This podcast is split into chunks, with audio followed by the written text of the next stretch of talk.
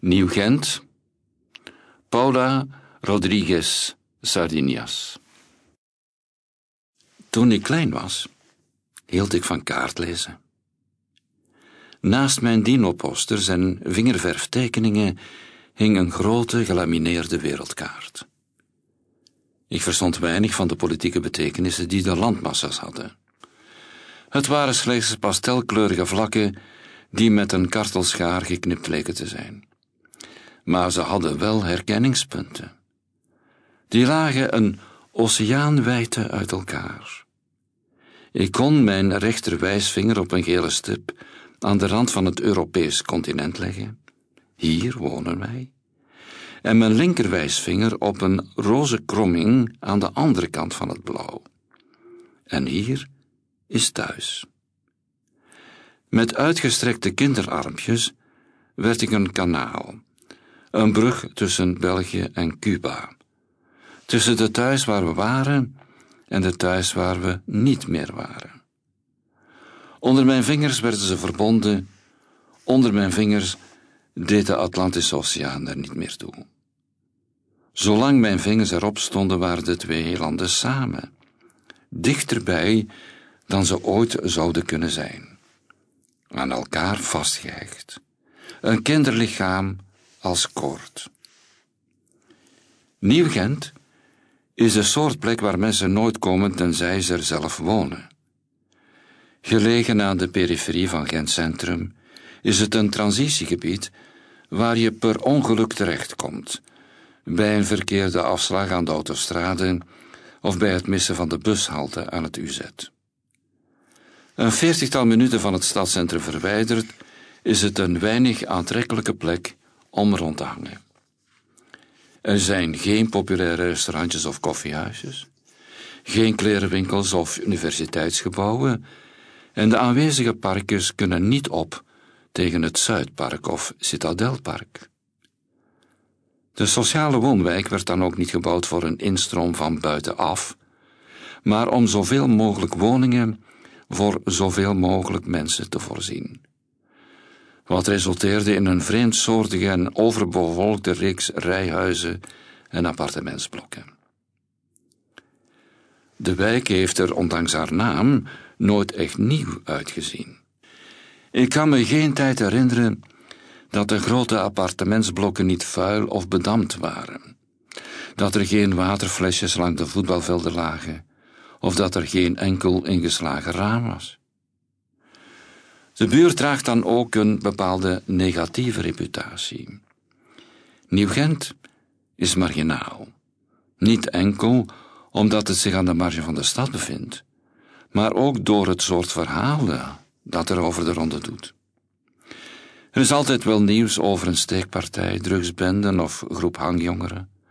Altijd wel een politiecombi die gestaag door de straten rijdt en altijd wel geroddel over het hoge aantal pogingen tot zelfdoding dat er plaatsvindt. Nieuw-Gent mag aan zich een weinig hoopvolle plek zijn. Toch vind ik er een zekere troost en erkenningen terug. De wijk bestaat namelijk voor de helft uit migrantengezinnen. Het is een van de weinige plekken in Gent waar ik niet het gevoel heb op te vallen, waar ik niet moet uitleggen wat ik ben of waar ik vandaan kom. Het maakt allemaal niet zoveel uit. Het belangrijk is dat we hier zijn en dat we daar allemaal mee moeten leren omgaan. Hier zijn is echter niet zo gemakkelijk als je altijd naar daar verlangt. Kinderen van migranten worden geboren met gemis tussen en kiezen. Met het constante knagende gevoel dat de plek die ze thuis noemen niet volledig thuis is. De plek waar je geboren of opgegroeid bent, is vaak een omgeving die je verstoot. Deze afwijzing is gemakkelijker te dragen als je gelooft dat er ergens op de wereld een plek is waar je wel geaccepteerd en begrepen wordt. Culturele identiteit wordt een schild en een buffer. Het wordt een manier om te kunnen zeggen: Ik ben hier, misschien vreemd, maar thuis ben ik dat niet. Thuis is de plek waar je ouders vandaan komen, niet de plek waar je zelf geboren bent. Deze vorm van identificatie is echter moeilijk wanneer je slechts steert op de verhalen van je ouders en, buiten je familie gerekend, geen rechtstreeks contact hebt met je thuisland.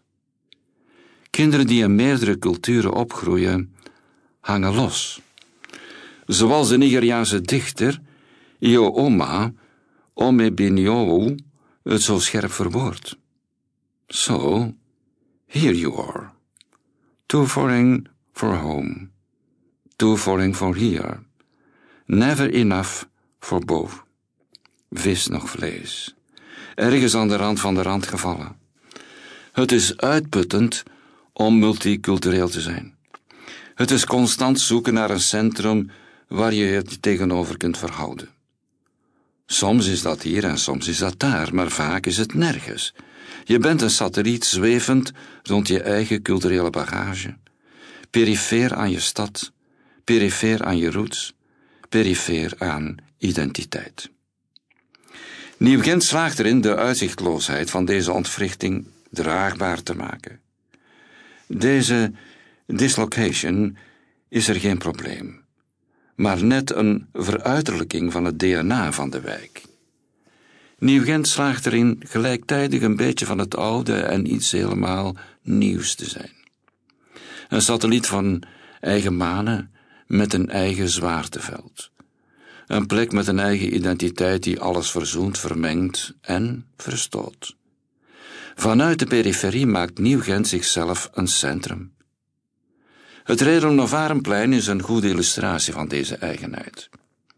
Op één enkel parkeerterrein zijn een moskee, een kerk, een basisschool, een bruin voetbalcafé, een bibliotheek en een politiebureau elkaars buren.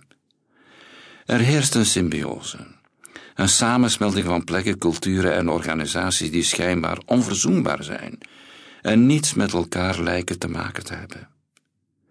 Ik zie in Nieuw-Gent een oplossing voor multiculturele vervreemding. Als Nieuw-Gent deze elementen kan bevatten, waarom zouden wij, Mixed Kids, ook niet een optelsom van al onze polen kunnen zijn?